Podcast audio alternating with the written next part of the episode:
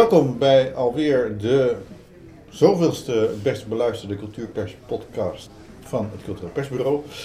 Uh, in de studio in Amsterdam zitten wij hier met Maarten Richel van Nieuw Boek Collective en Robert Hak van uh, Storytel. Zij gaan uh, ons meer vertellen over audiobooks en over hoe dat uitgeef- en verkoopproces van boeken nou in, in, in, in elkaar zit. Linda Huismans, uw host. Nou, Maarten en Robert, welkom. Dankjewel. Um, ik denk dat we voor uh, dat we echt dieper ingaan op uh, de vraag: gaat het zo slecht met het boekenvak? Uh, welke dingen moeten er veranderen? Dat het wel goed is om even iets meer te vertellen over jullie bedrijven. Want dat, mensen zullen wel eens van Storytel gehoord hebben, een nieuw ja. boek collectief, denk ik niet. Nee. Dus dit, ik vind het wel fijn om ook even te horen nou, wat het is, maar ook wat het idee erachter was om, uh, om ermee te beginnen. Ja. Dus misschien dat we even met Storytel kunnen beginnen. Ja. ja. Ja, Storytel is een uh, abonnementsdienst voor, uh, voor luisterboeken. Het idee was uh, ja, boeken te luisteren via je mobiel. we zijn in 2005 begonnen in Zweden. Ik zeg we, maar daar was ik toen nog niet bij. Um, en dat was nog een beetje voordat, voordat de mobiele telefoon, of de smartphone en het mobiele internet opkwam. Maar er was al wel in de technologiehoek veel aandacht voor mobiele streaming technologie. En dat was het moment dat dat een van onze oprichters dacht, daar kunnen we wel iets mee. en ja, voor een vast bedrag per maand luister je als, als abonnee via je appje op je smartphone zoveel boeken als je maar wil. En, en in 2005 in Zweden begonnen en wanneer ja. is het in Nederland geïntroduceerd? nu ruim vijf jaar geleden, dat zijn we in Nederland begonnen. Okay. Ja. Hoeveel abonnees hebben jullie inmiddels? we hebben over de hele wereld nu 800.000 abonnees. Ja. Oh ja, en ik mag helaas niet zeggen hoeveel we er precies in Nederland hebben, maar dat, uh, nou, we hebben net taart gegeten. Dat, dat, redelijk zo'n taartpuntje is, is ook wel Nederlands. Oké. Okay. Ja. En, en dat groeit nog? Ja, ja, hoor, ja Nederland is echt een, een, een belangrijke markt, belang, snel groeiende markt. In, uh, in Zweden zie je echt wel dat het uh, groeit, groeien ook nog steeds wel door, maar daar is uh, Storytel echt wel volwassen kun je zeggen. De mm-hmm. is groot, het gebruik van luisterboeken is daar volstrekt mainstream. En Storytel is het, ja, het, het, belangrijkste kanaal daarvoor, net als dat Spotify dat voor de muziek is, zeg yeah. maar. in Nederland is het nog, ja, zitten we echt nog veel vroeger in die, in die cyclus en ja, zijn we echt snel groeiend op dit moment. Oké. Okay. En, en, hebben jullie een beetje een uh, zicht op wat voor soort mensen een abonnement hebben op Storytel? Zijn dat ja. fervente lezers? Zijn dat mensen die op papier juist minder lezen? Ja, en we denken wel dat het fervente lezers zijn. Wel uh, uh, lezers die vooral willen lezen voor hun ontspanning. Tenminste, dat is de reden waarom ze bij Storytel lezen of luisteren. Mm -hmm. dat leiden we vooral af uit het gebruik van het soort boeken. Het zijn vooral populaire fictietitels, spannende boeken, lekkere, lekkere romans. Uh, ja, boeken met een goed verhaal eigenlijk. Mm -hmm. um, en uh, het zijn uh, op dit moment bij ons voor het grootste deel vrouwen, net als dat dat ook voor ja, de gemiddelde boekenkoper eigenlijk geldt. En eigenlijk is, die, eigenlijk, is die, eigenlijk is die heel erg vergelijkbaar met de, de gemiddelde boekenlezer, de boekenkoper in Nederland. En, en, kun je zeggen over de leeftijd van? ja, ook een beetje denk ik vergelijkbaar. Misschien iets jonger. Wij, wij, zitten echt wel tussen de 30 en 40 is wel uh, onze belangrijkste uh, gebruikers, maar ook ja, onze belangrijke uh, media doelgroep. Maar dat, ja, dus die is misschien net een beetje aan de onderkant van de, van de boeken doelgroep. Ja. En is dat wereldwijd eigenlijk hetzelfde? Of zie je daar nog wel regionale verschillen in? Nee, dat verschilt vooral heel erg in hoe, um, hoe, hoe, hoe, bekend en hoe gevestigd Storytel ergens is. Overal, je ziet overal waar we nieuw zijn, zijn het vooral meer de jonge mannen, de tech, uh, tech yeah. heads, zeg maar, de early adopters. Yeah. Uh, en dan zie je ook dat met name weet je, boeken over Elon Musk en dat soort titels uh, gretig aftrek nemen. Maar naarmate het bekender wordt, komt het toch uiteindelijk wel bij die, bij die, die lezersdoelgroep uit. Ja, en die, die verschilt alweer heel erg per land. In Nederland hebben we echt een hele goede leescultuur, een hele brede uh, brede verspreiding van het boek, denk ik. Als je dat bijvoorbeeld met Italië of zo vergelijkt, daar heb je echt veel meer een, een, een heavy readers markt, die misschien 10% van de Italianen is. Uh, en een heel groot uh, gedeelte van dat bijna of nooit een boek leest.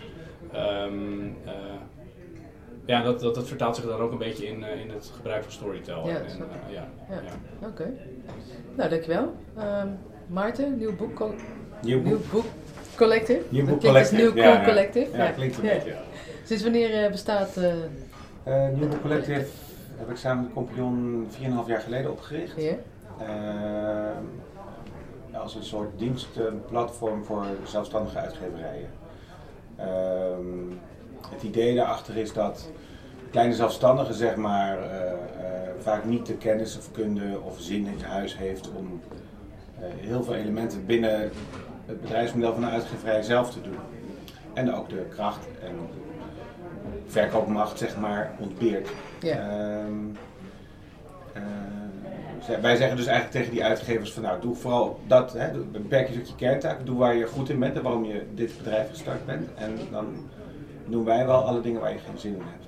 Dus dat is de verkoop, de eh, royalty administratie, de distributieoplossingen, eh, promotie, publiciteit kunnen we bieden. Eh, dus eigenlijk alles wat, eigenlijk wat je de, de, de, randzaken van de uitgeverij, daar helpen wij kleine ondernemers mee. Ja, dus eh, eigenlijk alles wat niet over het boek zelf gaat, over de redactie, over de inhoud. Nee, we gaan niet over de inhoud. Nee, Nee. Pas op het moment dat het gepubliceerd gaat worden of dat het gemaakt moet worden en verkocht. Ja, dan, eh, dan eh, bemoeien we ons mee. Het liefst zo snel, zo vroeg mogelijk in het traject al. Ja. Want hoe eerder je betrokken bent, hoe beter je ook kan meedenken over hoe je het commercieel de winkels of online weg kan zetten. Ja. Ehm, maar wij houden ons niet bezig met, inhoudelijk niet bezig met de titels. Nee, nee, maar op het moment dat het boek er is, dan komen jullie in beeld. Ja, ja. ja. Jullie gaan ter wereld in schoppen. dat is wat onze taak is. Ja, ja. ja.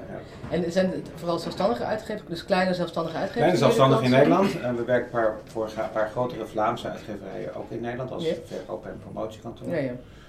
Ehm, dus dan heb je het niet per se over, eh, ook met standaard uitgeverijen Gelderland. ja, ja. Eh, in Nederland eh, zijn het eh, kleinere uitgeverijen zoals Koppernik, uitgeverij Orlando. Daar, daar moet je mee. ja. En, en ook zelfpublishing? Zelfpublishers? Zelfpublishing ook, ja. Dat ook. Dus er Ja. komen ook individuen bij jullie. Ja, beperkt toch. Maar we werken nu met eh Tommy Wieringa, Pauline Cornelissen en Nee. Rick Pastoor. Die besloten hebben om hun boek zelf uit te geven. Eh, en daarbij dus ook weer expertise zoeken van mensen die daar werken. Ja, ja. Dat is wel interessant, want vorige week eh, spraken we Wanda Glaude en eh, Jacqueline Sterkzee. Ja. En toen hebben we het ook gehad over ehm, de, de, de, Booker, de Man Booker Prize voor vertaalde fictie. In het Engels vertaalde fictie was toen net eh, verschenen. Tommy Wieringa staat daarop. ja. En de conclusie van eh The Guardian onder andere was dat de toekomst heel erg bij kleinere uitgevers gaat liggen. Ben ik helemaal mee eens. Ja. Omdat, en dat was hun argument dan, eh die, die daar als uitgever meer in staat bent om je persoonlijke smaak eh, eh, te, nou ja, te etaleren, zeg maar, en ook om, om schrijvers echt te begeleiden. ja, en dat is bij Wanda Glaude, waar ik overigens ook de verkoop voor doe. Ja. Inderdaad ook het eh, geval. Je ziet dat de persoonlijke smaak heel belangrijk is. Of eh, het, het zoeken naar kwaliteit en je niet eh, beknot voelen door een, eh, een commercieel doel, zeg maar. Eh, staat voorop. Ja. En dat zie je ook bij eh, inderdaad ook Orlando, bij Popper. ja. Eh. En, en zie je dat dan ook bijvoorbeeld bij Pauline Cornelissen die bij jou aanklopt? Die dus het bewust blijkbaar niet naar een grote uitgeverij gaat, maar het zelf Ja? Pauline Cornelissen kwam natuurlijk uit een grotere uitgeverij. En ehm, zij besloot uiteindelijk vanwege redenen van creatieve vrijheid om het zelf te Hm. gaan doen. Hm. Dus zij kon daardoor zelf besluiten welk papier gebruik ik, eh, welke mensen zijn verantwoordelijk voor de vormgeving, eh, wie eh, huur ik in voor publiciteit, wie is mijn redacteur. Al die keuzes kon zij nu zelf maken zonder zich schuldig te voelen, ook denk ik, naar de uitgeverij. Van, ja, want elke, elke papierkeuze die je maakt en die duurder uitvalt, is, te- ja, is natuurlijk een kostenpost voor die uitgeverij. Ja, ja. En nu had ze de vrijheid om dat zelf te beslissen. Want nu betaalt ze die kosten gewoon zelf. Ja, en ze deed haar ja, theaterproducties ook al zelf. Dus was het voor haar een kleinere stap om haar boeken zelf uit te geven. Ja, ja. Ja. Maar jij, jij ziet wel die ontwikkeling gaande naar dat er meer kleinere uitgevers. Ja, je ziet, Opstaan ik zie een en- hele grote versnippering van het landschap, omdat Ah. het steeds makkelijker wordt om ehm, op een goede manier eh, je publiek te bereiken. ook. Ja, Hè, door platforms als Storytel, Ja. als audioboek, maar ook, eh, eh, ook in de e-commerce, maar ook om de, de winkels zijn op een gegeven moment gewoon makkelijker bereikbaar. Uiteindelijk de stenen boekhandel, daar zit nog steeds het, het gros van de boekenomzet. ja, Eh, als je als schrijver, als literair schrijver dan succesvol wil zijn, is het toch van belang dat je ingekocht wordt. Hm. En dat je dus in die trechter terechtkomt. Ja.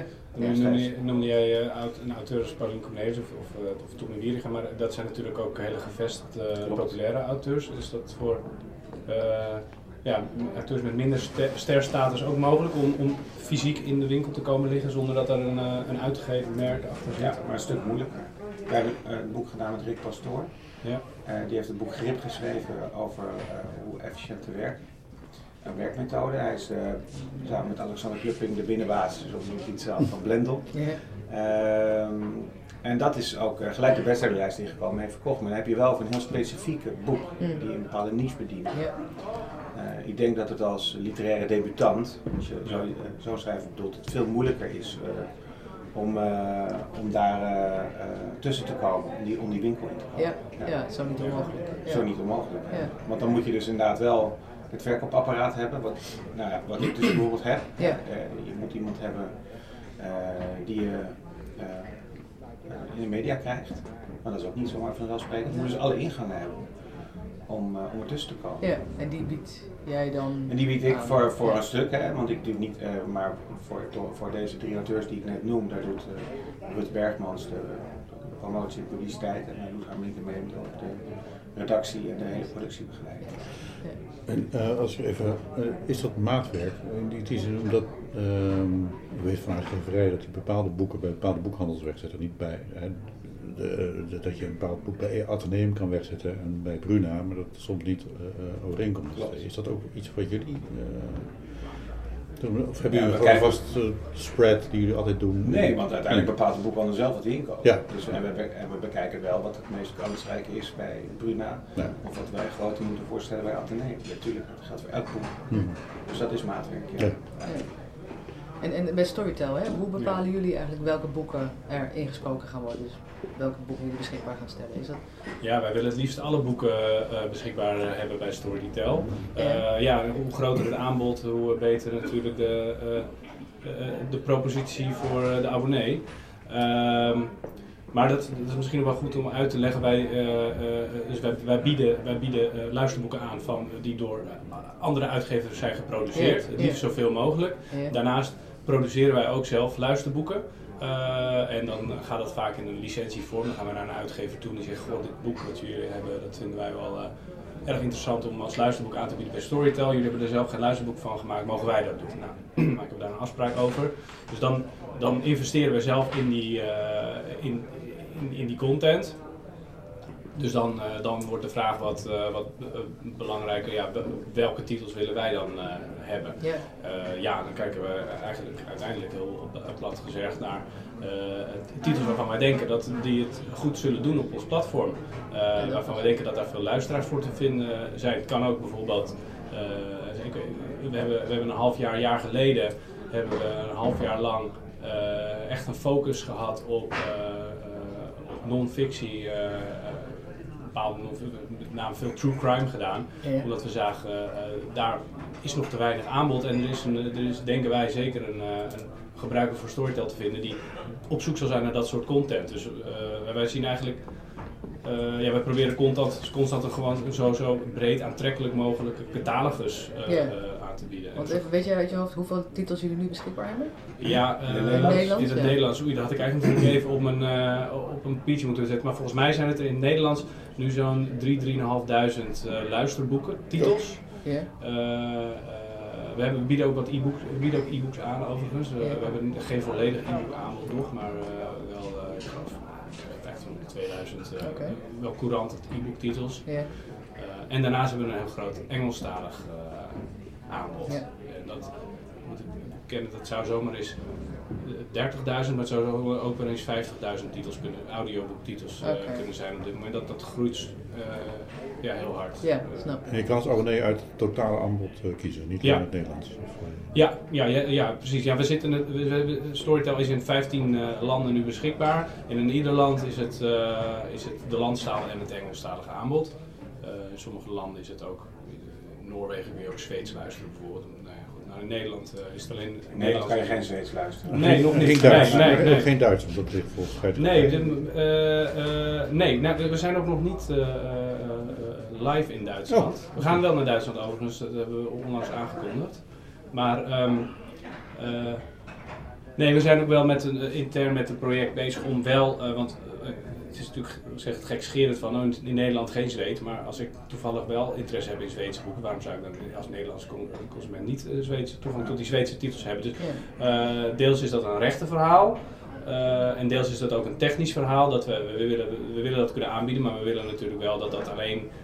Dat, dat, dat ik als niet-Zweedse luisteraar daar niet mee lastig gevallen word. Dus dat, eh, daar, eh, daar is wel wat ontwikkeling gaande op het platform. Maar dat, eh, ja, dat is uiteindelijk wel het, het idee dat, eh, dat alles overal eh, beschikbaar is. Oké, ja. Ja. En ik begreep ook dat jullie, eh, dat zeg je net zelf ook al, zelf ook boeken eh, maken eigenlijk. Ehm, eh, en dat er een, een project gedaan is met iemand, met een GTSD-acteur. die Ja, een, een dat eigen klopt. Ja, precies. Ja, dat is weer, ja, waar ik het net over had, was dan luisterboekversies van de reguliere boeken. Ja. Maar daarnaast produceren we ook eh, eh, Storytel Originals, eh, eh, eh, dus audio first uitgeefprojecten exclusief voor Storytel. En ja, een, een, een- heel leuk project daarin was, was inderdaad met ja, Janine Elschot, het personage uit Goede Tijden, Slechte Tijden, die haar eigen verhaal schreef binnen de realiteit van goede tijden, slechte tijden. Dus het was voor de kijkers te zien op tv dat zij op een goed moment het idee kreeg om een verhaal te gaan schrijven voor Storytel. Nou, dat werd, geloof ik zelfs, om dat te gaan doen. Ehm, dat is ze gaan schrijven, daar had ze het af en toe natuurlijk over met, eh, met, eh, met haar. Dus we kregen een beetje een idee van waar het over, eh, over zou gaan. En op een goed moment werd dat gelanceerd. Nog steeds binnen de, binnen de realiteit van goede tijden, slechte tijden. Maar op dat moment kwam het ook in de echte wereld bij Storytel beschikbaar. Eh, het was een spannend verhaal waarin, eh, eh, waarin op een goed moment ook moord gepleegd gaat worden. En vervolgens beginnen de, de dingen die zich in, in het verhaal afspelen, zich ook weer in de televisieserie af te spelen. En dan hangt natuurlijk de dreiging boven de oppervlakte. Gaat die moord ook plaatsvinden en op wie dan wel? Nou, dat is een verhaallijn die in, eh, die, eh, twee, drie maanden heeft doorgelopen. Hoeveel tot, miljoen eh, heb je daarin geïnvesteerd? nee, dat was, dat was het- natuurlijk, het, het is een hoop exposure op een commercieel televisieplatform. Nou, dat is natuurlijk geen gratis exposure inderdaad. Eh, het is onderdeel van een, van, een, ja, van een grotere samenwerking met, met RTL 4. eh, met, met reclamespots ook en dergelijke. Dus eh, ehm, ja, het was voor ons een grote marketingcampagne in die zin ook. Ja, Ja. maar wel, een, wel ook een, ja, ook wel een wel content gebruikmakend. eh, Ja. gebruikmakend van content. Ja. Ja. Nee, want we, organiseren deze gesprekken natuurlijk ook omdat we zien dat er allerlei dingen aan het veranderen zijn in de boekenmarkt. Hè? En dan gaat het ook heel erg over afzetmogelijkheden van boeken bijvoorbeeld. Ja. En dit, is, dit zou je dan kunnen zien als een nou, marketingcampagne, maar ook Ja. een manier om een nieuw publiek aan te spreken en die Ja. naar de luisterboeken toe te trekken. Dat is wel, Absoluut, wat ja. ik wel een Ja. hele originele en ook leuke manier vind, eerlijk gezegd. Ja. Ja. Is, dat, is dat ook iets wat, jij, wat jullie merken? Jullie werken iets meer met reguliere boeken, zeg maar, met papieren boeken. Is de afzet en, en, en de verkoop en de marketing, is dat, verandert dat? Wordt dat ingewikkelder?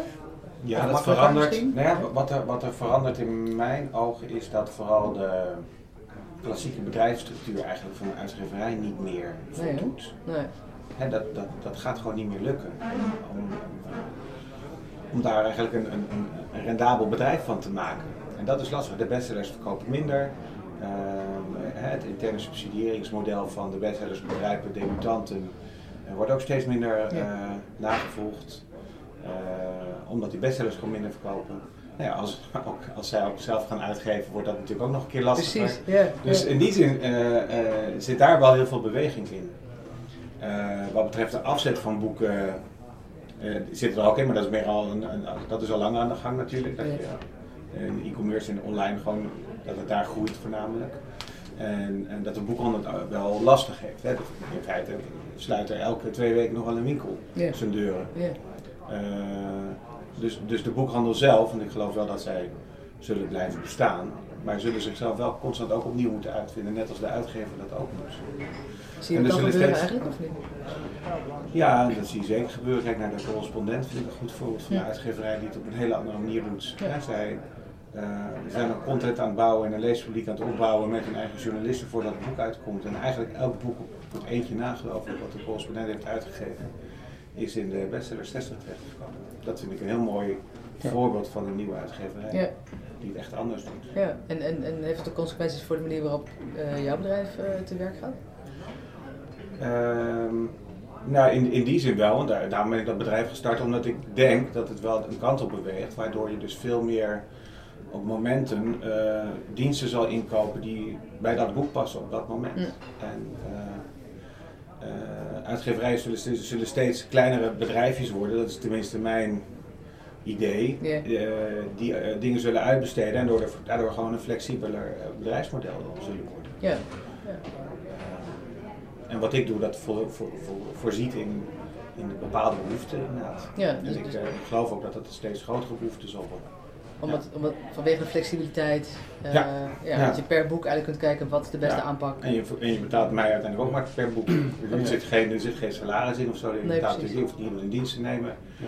In feite, eh, je betaalt nu een collector voor elk boekje wat je verkoopt. Oh, het is niet zo dat je een lump sum Nee, van, ik, betaal je uit 20.000 euro en Nee, je gaat een nee, boek verkopen. Dat, nee. dat, Nee, dus ik, in die zin neem ik, eh, deel, deel ik in het risico van, eh, Ja. van de debutant. Zou ik ja, ja.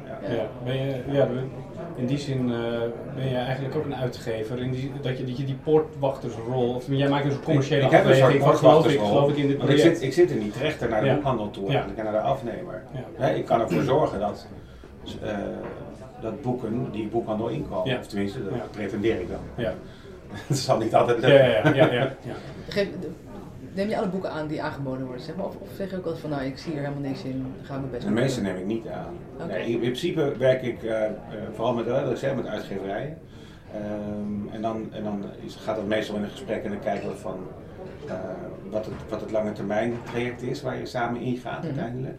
En, en daar moeten we samen in geloven. En bij die self-publishers, zeg maar, bekijken we echt per project, is dit interessant genoeg?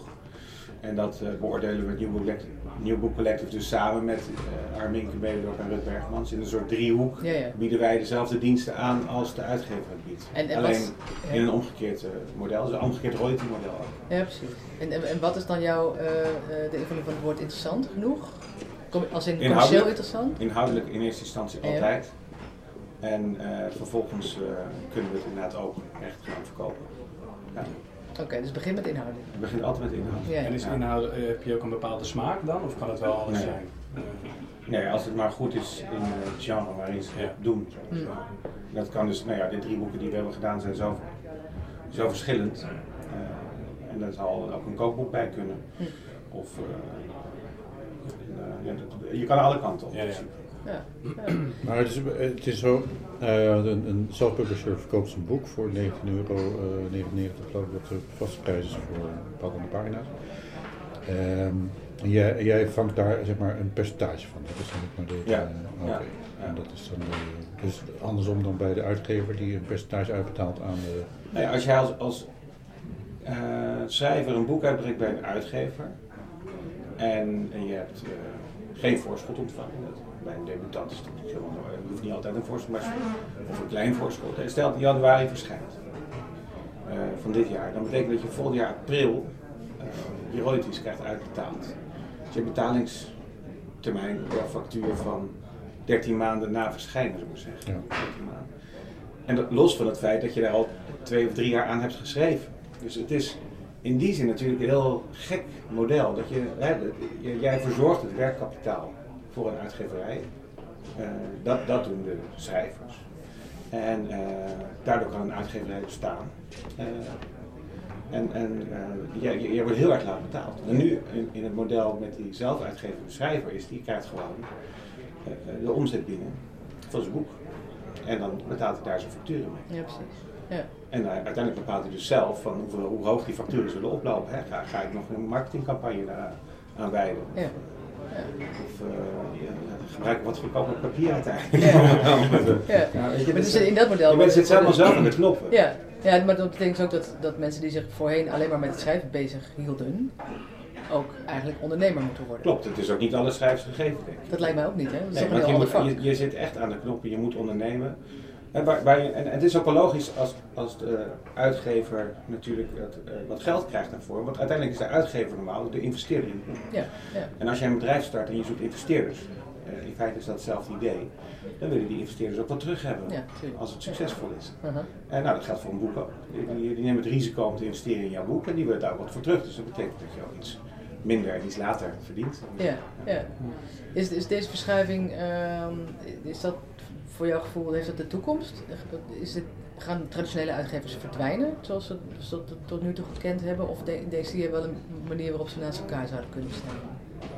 Ik denk dat het wel naast elkaar zal bestaan. Ja, nou, ik denk dat dit, eh, dat dit niet eh, een unieke ontwikkeling voor het boekenvak is. Dat zie je in allerlei industrieën. Een, een, een, een start-upje met een app kan eh, prima een grote systeembank eh voorbij streven met eh, het aanbieden van een bepaalde financiële dienst. Ja, tegelijkertijd hebben we ook die grote banken eh, nog steeds. En ja, ik, dus, zo, zo zie ik dat voor de uitgeverij ook een beetje uit. Het, het zal naast elkaar bestaan, denk ik. Maar het- ik denk wel dat het een model is wat onder druk staat. ja, Hè, waar je op een gegeven moment een, een, een nieuwe industrie krijgt, zal de oude industrie het altijd moeilijker krijgen. ja.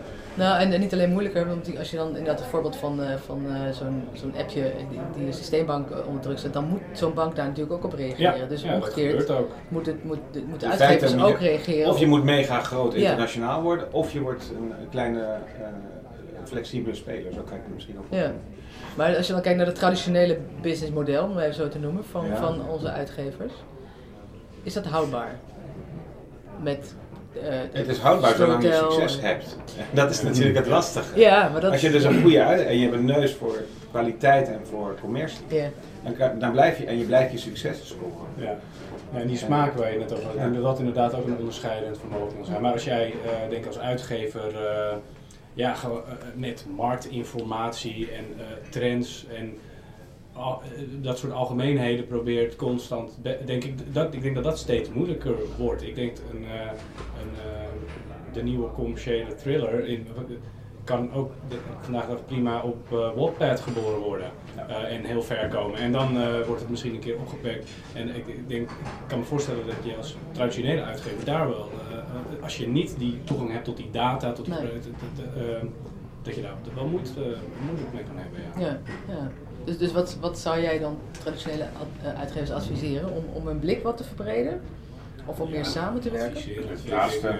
Ja, Samenwerken. samenwerken. Alles. Ja. Samenwerken, ja. Nou ja, wat- Maarten net zei, dat, eh, ben, ik een, eh, ben ik een specialist, heb ik een, een niche, Hm. of ben ik, ja, hoe zie je die beweging? Eh, maar goed, ik heb... Ik, Kijk, de- de uitgeverswereld, de boekenwereld op zich is natuurlijk traditioneel heel, erg naar binnen toe gekeerd wereldje geweest. Ja. Hè? Sterk in het collectief, Ja. eh, zowel op marketing als distributiegebied, eh, eh, als de lobby voor de vaste boekprijs. Maar dat zorgt er ook voor dat je, ook, dat je eigenlijk alleen maar naar binnen kijkt. En op een gegeven moment knapt dat als je niet te snel reageert, denk ik. En daar moet je echt wel vooruit kijken. Die collectieve marketing is echt goud goed wat je hebt. Dit is nergens ter wereld zo georganiseerd. Zo'n goede boeklobby van de CPB. Ja, precies. Ja. Eh, maar dat is gekoppeld aan Gauw bijvoorbeeld. Hè, de, Ja. de branchevereniging voor de uitgeverijen. En Ja. aan de KBB voor de boekhandelaren. Als er steeds minder uitgeverijen lid worden van de Gauw, zal er dus ook steeds minder interesse zijn voor de CPB. Want daar eh, komt het geld vandaan. Dus er, zul, er zullen wel wat structuren om moeten eh, en opgeschud moeten worden. eh, eh, om, om, eh, om het hele vak al in die zin levensvatbaar te houden. Ja, ja. Je, noemde net al het, eh, het, het gevaarlijke woord. Dat was de boekprijs. Dat was de boekprijs. Ja, ja. Altijd voor zeg maar eens in vijf jaar voor een burgeroorlog zorgt in de, in de Ja. uitgeverijbranche. Ehm, dankzij alle nieuwe mediavormen waarin dingen worden uitgepast, spreek je natuurlijk veel minder vaak van een boek wat je uitgeeft. Dan spreek je van een audiobestand of een Verhaal. eh, verhaal of een ding. Daar geldt die prijs niet voor. Nee. Ehm, is, is, is dat ook een van de redenen waarom je denkt van dat die vormen het gaan winnen? Of? Nee, nee de, het boek is in die zin, vind ik, de, de meest ideale vorm voor het verhaal. Papieren boek. Hm. Ja, je koopt het en je kan het direct lezen. Mhm. Dat heeft muziek nooit gehad. En Nee. film ook niet. Dus in feite eh, is, is het een vorm die, denk ik, de tand des tijds zal doorstaan. Maar dat heeft niks te maken met de vaste boekenprijs. Eh, Want het- het het boek staat of valt niet met een vaste boekenprijs. Nee. hè. Die is dan ooit eh, in- eh, bedacht voor de brede beschikbaarheid. Maar ja, je kan dan ook zeggen, ja, maar op elke telefoon zijn nu alle boeken Ja, beschikbaar. precies. Dus Ja, waarom ja. zou je dat nog... Ja, het, is misschien het argument zou dan moeten zijn dat de, de fysieke verschijningsvorm en de fysieke beschikbaarheid onmisbaarheid, on- onmisbaar is voor de, ja, om, om te kunnen zeggen dit is, dit is een beschikbaar boek. Dus dat dat, dat, dat, dat een zekere, op een zekere manier moet bestaan in de, in de echte wereld, de fysieke wereld. Om te kunnen, want anders zou je inderdaad kunnen zeggen, ja, eh, eh, pdfje staat op internet, daarna het boek is Ja, beschikbaar. maar ook het fysieke boek kan je ook gewoon op je telefoon kopen natuurlijk. Je kan hem gewoon Ja, ja, kopen. ja, ja. Hè, Dus eh, Ja. de hele bibliotheek kan je aanschaffen op, Ja. elk, eh, op elk gewenst moment, Ja, op elk gewenste plek. ja, ja, En dus dat is ook de brede beschikbaarheid ook van het papieren boek. ja. Ja, dat, ja, dat dus is dus waar, dan, ja. dat, dat is natuurlijk het lastige van die vaste boekprijs. Waarom eh, blijft die nog? En, terwijl ik het wel nog eh, be- belangrijk goed vind. Ja. Want het, het, eh, het zorgt ervoor dat, eh, dat de gespecialiseerde literaire winkel wel blijft bestaan. Ja. Maar ja, daarvoor is hij niet in de... eh, Nee. Daarvoor is hij niet eh, geboren, zou ik maar zeggen. Nee. Nee. Terwijl het wel eh, heel belangrijk is, denk ik, om die eh, cultuurspecialist in het straatbeeld te houden. Ja. Dus, dus wat jou betreft moeten we nog wel even vasthouden aan de vaste boek. Ja, ik denk het wel. Ja. Ik denk het wel. Ik denk dat, eh, volgens mij is iedereen die er iets mee te maken heeft ook wel blij mee, toch? Ik denk dat de uitgevers in het algemene zin uh, er wel tevreden mee zijn. De, boek, de, de, de kwaliteitsboekverkoper zeker. Ja, die zijn er wel blij en mee. eh, Ja. voor, de, voor de lezers en de consument is het absoluut, eh, het speelt geen onderwerp. Nee, die weten het vaak ook Je niet. weet het eh, niet. En Nee. eh, eh, eh, ja, zijn boeken duur? Ik denk het niet. Als je voor 20 euro eh 10 uur lang je kunt onderdompelen in een wereld, denk ik. Ik heb niet het idee dat, die, dat een boek, papierboek als duur wordt beschouwd. Ehm, maar het is wel, denk ik, een, ja, een, middel dat heel erg gericht is op, in, eh, op, op, op, die fysieke boekenwereld. Eh, het fysieke product, maar ook het fysieke eh, verkoopmodel. Ja. En dat in een digitale wereld het eigenlijk een, ja, een, raar, een raar middel is. Ja, ja, nou ja, goed, en Ja. daar gebruiken we hem natuurlijk ook. Nee, dat is hier precies, dat Nee. wordt hier ook niet gebruikt. Nou, jij zegt ik denk niet dat een boek duur is, maar ik kan me voorstellen dat er mensen zijn voor wie dat toch wel een drempel kan zijn. Ja, ja. En tegelijkertijd bestaan er nu ook alternatieven zoals bijvoorbeeld het Kobo Plus abonnement, hè, dat je voor, een, tientje per maand ja. eindeloze hoeveelheid boeken tot je beschikking krijgt. En jullie werken eigenlijk met hetzelfde. Ja, dat is eigenlijk weer hetzelfde. voor dat tientje krijg je elke maand meer aanbod eigenlijk. Mhm. Ehm, ik weet niet of je daar echt inzicht in hebt, maar heb je het idee dat, er, dat je daardoor lezers, tussen aanhalingstekens, uit luisteraars trekt die anders minder, die boeken niet zouden lezen of tot zich zouden nemen? Ja, dat zeker. Ja. bij Sto- ik weet dat alleen van Storytel natuurlijk, van Kobo Plus, helaas ik. geen eh, Ja. inzicht. Maar eh, eh, ja, wij weten, wij weten dat, eh, eh, dat, dat eh, onze abonnees bij uitstek eh, eh, boeken ontdekken bij Storytel. En wij- eh, en dat komt ook omdat wij de titels aanbevelen. Dus ze, ze Wij beginnen zorgen voor van de ma- lezersmarkt, Ja, zou ik zeggen. Of de Zeker, ja, verhalenmarkt, om het maar zo te Eh, noemen. ja, ja, absoluut. En ook een vergroting van. Want natuurlijk, eh, als je, als je twee boeken per maand leest bij Storytel en je betaalt daar een tientje per maand voor, dan, eh, ja, dan is dat geen 20 euro voor een Nee, paperback in de winkel. Maar eh, uiteindelijk hebben wij wel klanten die jaarbasis 120 euro aan boeken besteden, jaar in Ja. jaar Ja, ja, uit. ja. Lo- lo- eh, los van hoeveel ze lezen. Ja, Eh, dus in die zin is het denk ik ook een, eh, een vergroting van de markt in de zin van gewoon omzet. ja. Ehm, eh, maar ja, bij, bij Storytel ja, is het ontdekkingsproces van een boek heel anders. Het heeft ook, we hebben niet die koopknop op het moment dat je een besluit, ik wil dit boek hebben. Weet je, in, in, de fysiek, in, in de boekhandel of bij Bol of waar dan ook, nou, dan denk je, nou, dan, maar, dan koop je hem. En dat is, dat is een commitment die je aangaat. Bij ons heeft die, is die abonnee e- ooit in het verleden één keer die commitment aangegaan. En daarna willen we dat hij nooit meer eh, daaraan herinnerd wordt eigenlijk. Mm. Ehm, maar dat maakt ook dat je veel meer browsend en probeer dit maar eens. Ja. eh, eigenlijk de drempel om boek te proberen wordt wat lager. Is voor ons ook tegelijkertijd een bedreiging, want het laatste wat wij willen is dat iemand een boek begint en na tien bladzijden denkt, toch een ander boek en Ja. nog een keer en nog een keer, want dan denkt hij op een gegeven moment, voor storystijl, ik stop Ja, ermee. ja, Ja. Dus we willen het liefst dat hij meteen een boek heeft wat, wat hij wel echt, echt eh, wat hem grijpt. Ehm, maar ja, het, is, eh, eh, het, het leesgedrag bij ons is, eh, is, is nou wij, eh, voor zover wij weten, a- echt aanvullend op het, eh, op het, ja, het leesgedrag. Nou, ik, denk, ik denk juist dat door dit soort platforms en door Kobo Plus, maar ook door e-books en door. eh, er wordt uiteindelijk gewoon meer, meer gelezen. Ja. Eh, de, de, de boekenmarkt eh, groeit nog steeds in die zin.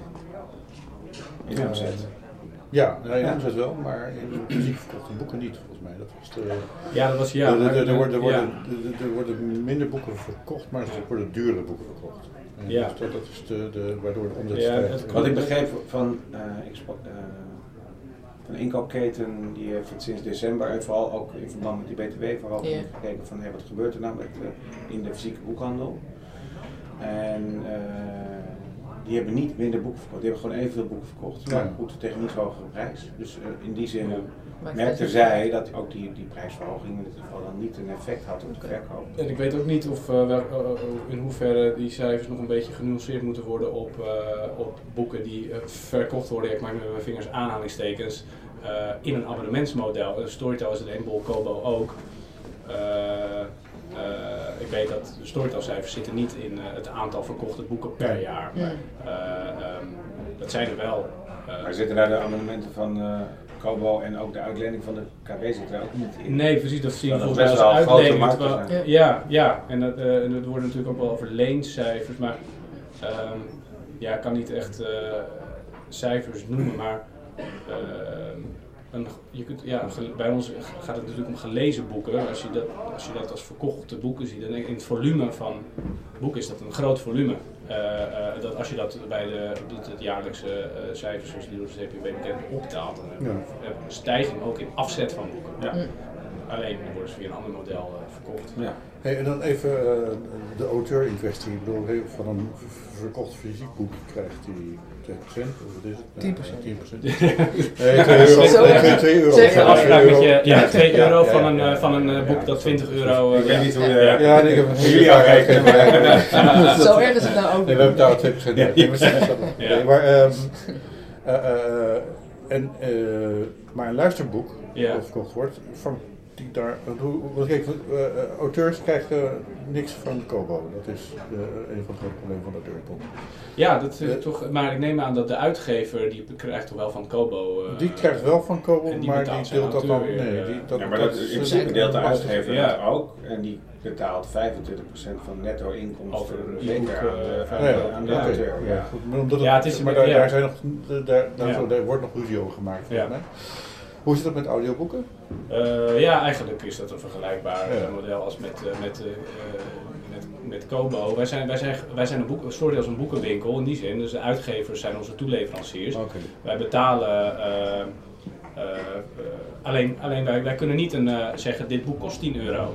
Nee, onze abonnees betalen een bedrag per maand. Nou, wat we doen is dat we iedere maand, nou, 10 euro per maand, al die inkomsten bij, die tellen we bij elkaar op. Eh, dat is de pot met geld. Storytel heeft daar een percentage, neemt hij daarvan. Nou, dat eh, bespreken we af met de uitgever.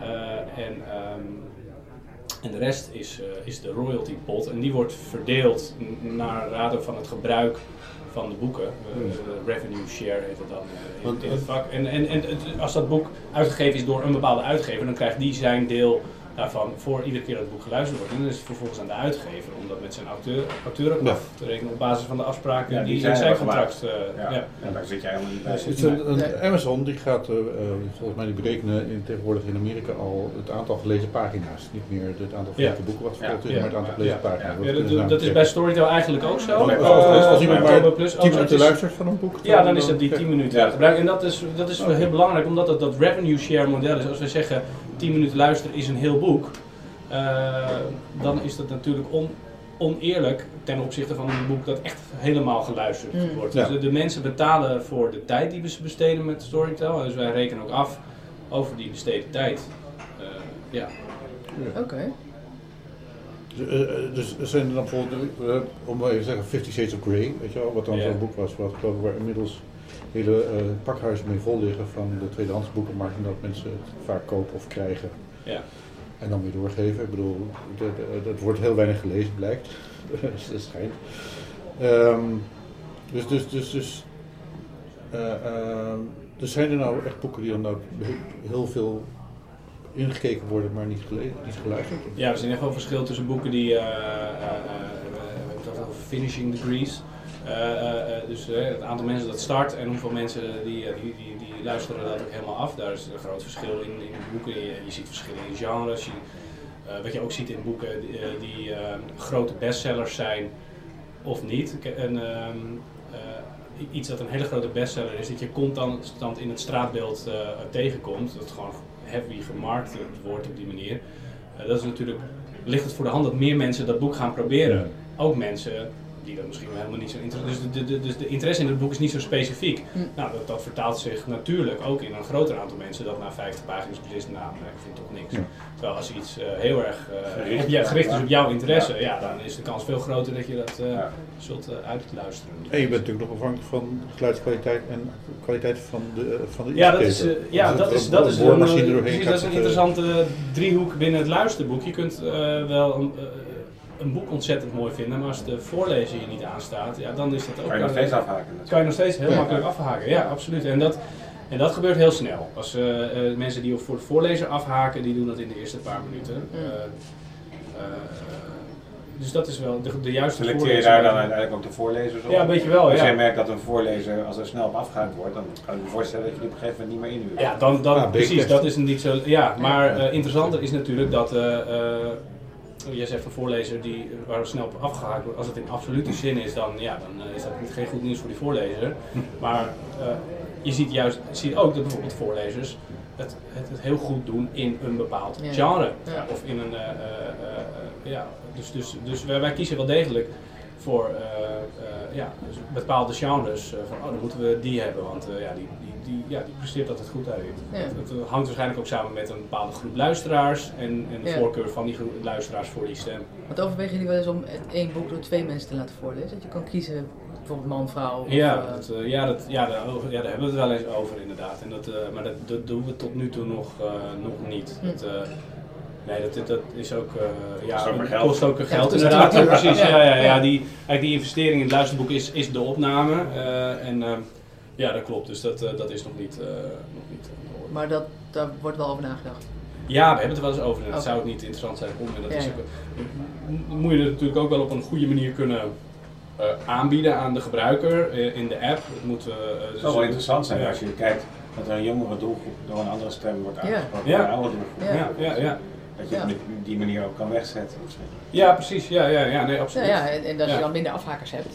Ja. Ik kan me ook voorstellen dat vrouwen misschien Ja, naar een vrouw luisteren of juist naar een Ja. man. Of dat bij spannende boeken of true crime misschien, ik weet niet hoor, maar mannelijke lezen weer overtuigender is. Ik Ja. noem maar wat. Ja. Ja, precies. Nou ja, zo, zo, zo doen wij het eigenlijk ook inderdaad een beetje. Eh, in, in, eh, in fictie, eh, als er, zeker als er gewoon een heel duidelijk perspectief is, dat sterk aanwezig is, en dat is bijvoorbeeld een jonge vrouw. Eh, ja, dan ligt het altijd al wel vrij voor de hand om een stem te kiezen die een beetje past bij het profiel van de Lu- perspectief van Lucinda Riley is door een vrouw voorgelezen waarschijnlijk. Eh, eh, Zeven Zussen. Ja, ja, Zeven die, ja, Zussen, ja, ja. ja, die is, eh, dat is, die, die, is nog steeds niet in het Nederlands beschikbaar. Oh, niet? Oh, dat geeft niet? Nee, nee, Oh, dat is, nou ja, dat is, bijvoorbeeld komen we ook weer bij, eh, eh, bij jouw eh, afdeling, Maarten. Dat, dat is natuurlijk een voor, voorbeeld van een kleine uitgeverij die ineens niet wist wat ze overkwam toen ze vo- vorig jaar eh, eh, eh, met zes titels in de bestseller. Nou, maar op, een gegeven moment, op zich heeft hij daar al wel eerder gestaan en hij weet wel hoe het werkt. Dus op zich, Ja, als, hij- ja, ja, ja, als hij wil ja. kan hij dat gewoon makkelijk doen, eh, Sander. Ja. Welke uitgever heeft het over? Uit- Uit uit- uit- Uitgeverij Xander, ja. Oh, de laatste keer dat ik hoorde zijn ze, zijn ze in opname op dit moment. Ja, dat is... eh, eh, dus ik, ik weet, en dat doet de uitgever zelf, dus dat, doen wij niet voor ze. Maar het klopt wel, wat je zegt, dat het, heel, eh, dat het nog absoluut niet logisch is of, of vanzelfsprekend dat je dat boeken ook gaat opnemen en dat je er luisterboeken van maakt. Nee. En dat is een slag Ja, het, het is ook, echt nog als het niet in je... Ja, precies. Nou, en, Ja. en, en binnen grotere uitgeverijen... bij, grotere uitgeverijen is dat al wel. Zoals Ja, ik weet, Single, Single heeft nu een uitgever audio. Die kijkt gewoon naar een catalogus en die kijkt wat zijn de goede titels die we dit, eh, dit, Ja. dit seizoen voor- in audio moeten doen. Maar daarom Xander, ja, dat is natuurlijk een kleine, flexibele uitgeverij die, die zich vooral moet richten op een kernproces en dat zo goed mogelijk voor elkaar hebben. En die kunnen niet iemand eh, eh, twee dagen in de week vrijspelen om ook te kijken van wat moeten we met audio. Nee. Eh, eh, ja. Lucinda Riley. Wat ik wel interessant vind aan, eh, aan, aan wat jij vertelt over de manier waarop Storytel werkt, is eh, dat eigenlijk kijken jullie heel erg naar de lezer. Ja, dat is de Of luisteraar dan in ja, dit geval, maar naar de, naar de eindgebruiker zeg maar. Ja, absoluut. Terwijl uitgevers eigenlijk van oudsher althans heel erg gericht zijn op zenden. Ja, de uitgever Dit vinden wij goede boeken. Dat Kent de lezer niet. Nee, hè? Nee, die heeft Nee. een flauw De, idee. de boekhandel is Ja. de klant van de uitgever Ja. en, en de lezer die komt daar weer achter. Ja. En natuurlijk, ja, dat is, een veel complexer eh, systeem. En dan heb je ook nog de, eh, ben je voor, voor de promotie van het boek weer voor een groot deel afhankelijk van media, kranten, Ja. eh, televisie. Dus dat is een, een heel ecosysteem. Terwijl wij hebben ons eigen feite ecosysteem, jij- wij hebben zelf onze eigen Jij bent, een, jij bent een boekhandelaar in feite. Ja. Je zit en, en, eh, en hoewel je natuurlijk zelf ook eh, eh, audio eh, uitgaven maakt. Ja, Maar in feite verkoop je rechtstreeks aan de, aan de luisteraar of de lezer. ja, Ja. En de uitgever is daar helemaal niet, is dat helemaal niet Nee. gewend. Die, zit, die, zit, die zit als een spin in het web en die zorgt dat alle knoppen op groen staan. Ja, die stuurt zijn boeken maar. uit ook. En Ja. dan, Ja. ja. Ja, Maar dan zou je dus impliceren dat de boekhandelaar zijn lezer net zo goed kent als Storytel zijn luisteraars kent. Dat zou Ja. in, Ja. idea- in die ideale denk, een wereld goede boekhandelaar die Ja. kent zijn lezer denk ik in bepaalde opzichten veel Als ik, beter dan als, ik, als ik een boek aan een boekhandelaar verkoop, en er zitten genoeg boeken bij die echt niet eh bestseller worden, de meeste natuurlijk. Ja. Maar dan heb je het boek aan, oh, daar weet ik wel iemand voor, doe er maar één. Precies. Zo gaat het. Die, die weet gewoon precies soms wel, dat boek kan ik aan Ja. die lezer verkopen. Ja. En dat is de kennis die een uitgever natuurlijk absoluut niet Nee, heeft. nee, goed, dat is ook te, te klein Maar natuurlijk. dat is zo, de de e-book eh, markt gaat natuurlijk wel die kennis geven. Ja, door algoritmes die ze aanleggen. Ja. Nou ja, goed, dat is algoritmes. Je weet op een gegeven moment wie wat koopt, hoeveel die leest, maar wat je met, Ja. met audiobooks ook hebben. Dus dat is natuurlijk goed, wel. als, dan, dan, dan nog steeds hebben ze erg veel moeite om te verwijzen. Hebben ze een massa nodig om je naar de goede plek te krijgen. Ja. Eh, Bol.com eh, slaagt er volgens mij nog steeds niet goed in van eh, als, ik, als ik dit leuk vind, vind ik dat ook leuk. Die, die er wel goed in slaagt is bijvoorbeeld eh, is ECI, want die werkt met Bookerang samen. Die hebben daar een geweldig mooie aanbevelingstool, een algoritme daarachter die inhoudelijk boeken vergelijkt. Mhm. Dus zij kunnen op basis van de inhoud en de structuur van de tekst en eh, kernwoorden inhoudelijk een, een, een, een tekst vergelijken, waardoor je dus met hele, eh, absoluut ook projecten, je kan ook eh, tweaken zoals je wil, maar waar je dus hele onverwachte aanbevelingen krijgt. Dat is een heel interessant. Ja. Ja. Ja, vooral in een boekenlandschap waar natuurlijk heel veel boeken onzichtbaar zijn. Ja. Hè? Een backlist eh, met, met jullie die- kunnen in feite alleen maar aanbevelen op basis van wat heeft hij eerder beluisterd. En bij Bol kan hij wat heeft hij eerder gekocht. En maar daar, daar, daar koop je zo breed, je koopt daar cadeautjes, je koopt voor jezelf, je koopt voor je kinderen. Ja. En je koopt voor je werk en je koopt voor privé. Dus het is eh, zo- in, inhoudelijke aanbeveling, eh, zoals Boekering dat doet, is, eh, is een hele interessante. Ja. Ja. Zij kunnen het best een boekhandelaar benaderen. Ik zit even te denken, hè, want dat als, als, als zeg maar ehm, daar de toekomst ligt, bij hoe je je lezers het best kunt bedienen, hoe je ze het best kunt wijzen op inderdaad dat gigantische aanbod, wat er gewoon natuurlijk alleen maar groter wordt. Hoe vind ik daar mijn weg? Waar vind ik titels die ik nog niet ken en die ik wel graag wil lezen? Als je dat dan even doorvertaalt naar de traditionele boekenwereld, dan zou er dus ook misschien een grotere rol nog weggelegd zijn voor boekwinkels, boekhandelaren. Omdat die rechtstreeks contact met hun lezer hebben. Of zit daar nog beweging in? Zit daar, zitten daar mogelijkheden? dat gebeurt toch ook steeds meer. Je ziet toch dat de media ook steeds meer de boekhandelaar gebruikt om wel een aanbeveling te doen. Ja, zoals de Kijk wereldwijd naar- door doet. eh. Ja, maar de Volkskrant is sport ook natuurlijk sinds een paar maanden. Ja. Die gebruiken boekhandelaren om aanbevelingen te doen. En dat, daar, daar, daar zit wel een bepaalde kennis ja, er zit heel veel kennis natuurlijk. Ja, Die, ja. eh, die de rest ontbeert. Ja. En waar een recensent heel anders naar een boek kijkt. Ja. Nou, precies, dat is een groot verschil. Ja. Ja. Dus dat die, die, die kennis en die potentie zou nog wel, nog wat meer uitgebreid Ja, en die wordt worden. ook gebruikt. En je Ja. ziet uitgevers die maken daar heel veel gebruik van. Die proberen altijd boekhandelaren te vinden die Ja. hun boeken proberen gaan aanprijzen. Waar, waar, dat is, Alleen de schaal is natuurlijk de nog schaal is natuurlijk veel kleiner. Ja. Ja. En, En daar, daar- daar, daar- individueel niveau. En, en Ja. het gaat om dat gesprek. eh, Dat is toch een vrij klassiek gesprek tussen de Ja. vertegenwoordiger en de boekhandelaar. Ja. En die vinden ontzettend veel plaats. Ja. Ja, dat vindt nog heel veel plaats. Ja. Ja, ja. Maar, ja, maar dat Ja. graag. Hele mooie klassieke verkoopgesprekken. ja. Ja. Ja, want als- als- vertrouwensbasis boeken worden verkocht. Als, Ja, als, boek, als boekhandelaar committeer je dan natuurlijk ontzettend aan de titel. Op het moment dat jij eh, een quote eh, van jezelf op, eh, op, op, op, het plat, op, op het voorblad laat plaatsen, van, ja, dan, Ja. dan moet je er wel 200 verkopen ook. eh. Mm. Ja, maar dat doen, Ja, doen ze ja, meestal ja, ook wel. precies. Dat Ja, gebeurt ook ja, wel. Ja. Als een boekhandelaar zich committeert, een goede boekhandelaar, dan kunnen zij in één winkel duizend exemplaren verkopen. Zoveel. Ja. Wauw. Ja. Ja. Maar goed, dat zijn natuurlijk enkele titels. Ja, natuurlijk. Ik weet niet welke titel je wil verkopen. Ja.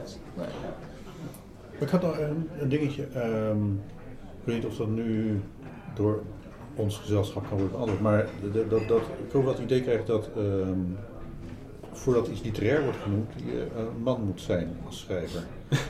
Dat het voor vrouwen veel moeilijker is om literair gevonden te worden. Is, dat- is dat een, een, omdat er op de lezersmarkt vooral vrouwen is? Eh, eh, Dus het Vandaag nog een geweldige recensie vanmorgen in eh, NRC van Daisy Johnson, Veenland, korte verhalenbundel. Eh, vrouw, geweldige literaire Oké. eh, verhalenbundel. Die eh, deze eh, ge- genomineerd voor de Boekenprijs, haar volgende roman die eh, verschijnt deze zomer. Bij uitgeverij Koppelier. Oh, Mooie zelfstandig Toevallig. uitgeverij. Nee, dus het, dat, dat denk ik niet. Nee, dat niet.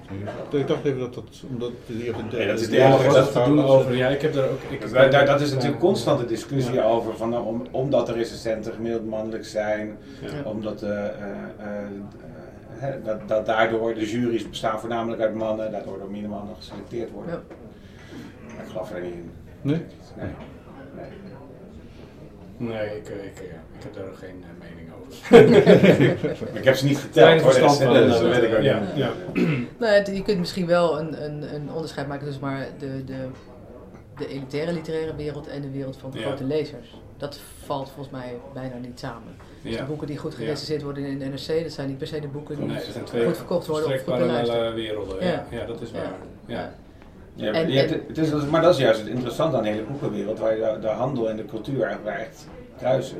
Ja. Ja, En, en dat zie je in geen enkele andere kunstvorm, nee, precies. eh, zie je dat terug. Nee. Ik denk ook dat er verschil is tussen eh, eh, boekenvakkers die zich onderdeel voelen van de culturele sector of, Mm. eh, of die gewoon zeggen, ik ben, een retailer of ik, Ja. ik zit in de entertainmentindustrie. Ja, ja, ja. Ja. Maar dat geldt voor, voor, voor, voor zowel uitgevers als voor Ja. boekhandelaren Ja. ja. ja. En schrijvers. en schrijvers. Ehm, als we bij, als een soort van afronding ehm, eens bekijken wat dan de grootste veranderingen zijn die op dit moment gaande zijn in de boekenwereld.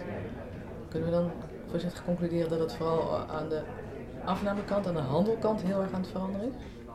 Of is dat te kort door de bocht? Dus kort door de bocht. Ik, ik denk dat je eh, steeds meer, eh, dat het hele model van waaruit een, van een boek van een schrijver naar een lezer komt, steeds meer hybride wordt. Er zijn steeds meer manieren om dat te doen. Ja. En die zullen allemaal naast elkaar bestaan. Hè? Niet elke schrijver zal een ondernemer zijn. Nee.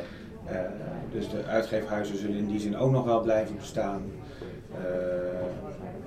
Het wordt wel allemaal er flexibeler. verschillende vormen Ja. zijn die Ja, precies. Ik denk dat er ook een soort meer een loskoppeling komt Ja. tussen, tussen verhaal en eh, verschijningsvorm van dat verhaal Ja. daarin. Dat, dat, dat, dat het ook makkelijker is eh, om daarin. eh nou ja, daar is de correspondent ook denk ik een goed voorbeeld in, in hoe zij hun, hun content in een boek verpakken. Of dat, dat- ja, dat je. Dat, ja, dat, eh, dat is ook een ontwikkeling. Ja. Dus ik vind het inderdaad kort door de bocht dat het aan de, aan de, aan de retail, aan de handelskant ligt. Het Ja. zit door de hele keten, zal het veranderen. ja, precies. Ja. Eh, maar het zal niet zo'n eh, rigoureuze ommekeer hebben als bijvoorbeeld in de muziekwereld heeft plaatsgevonden. Nee?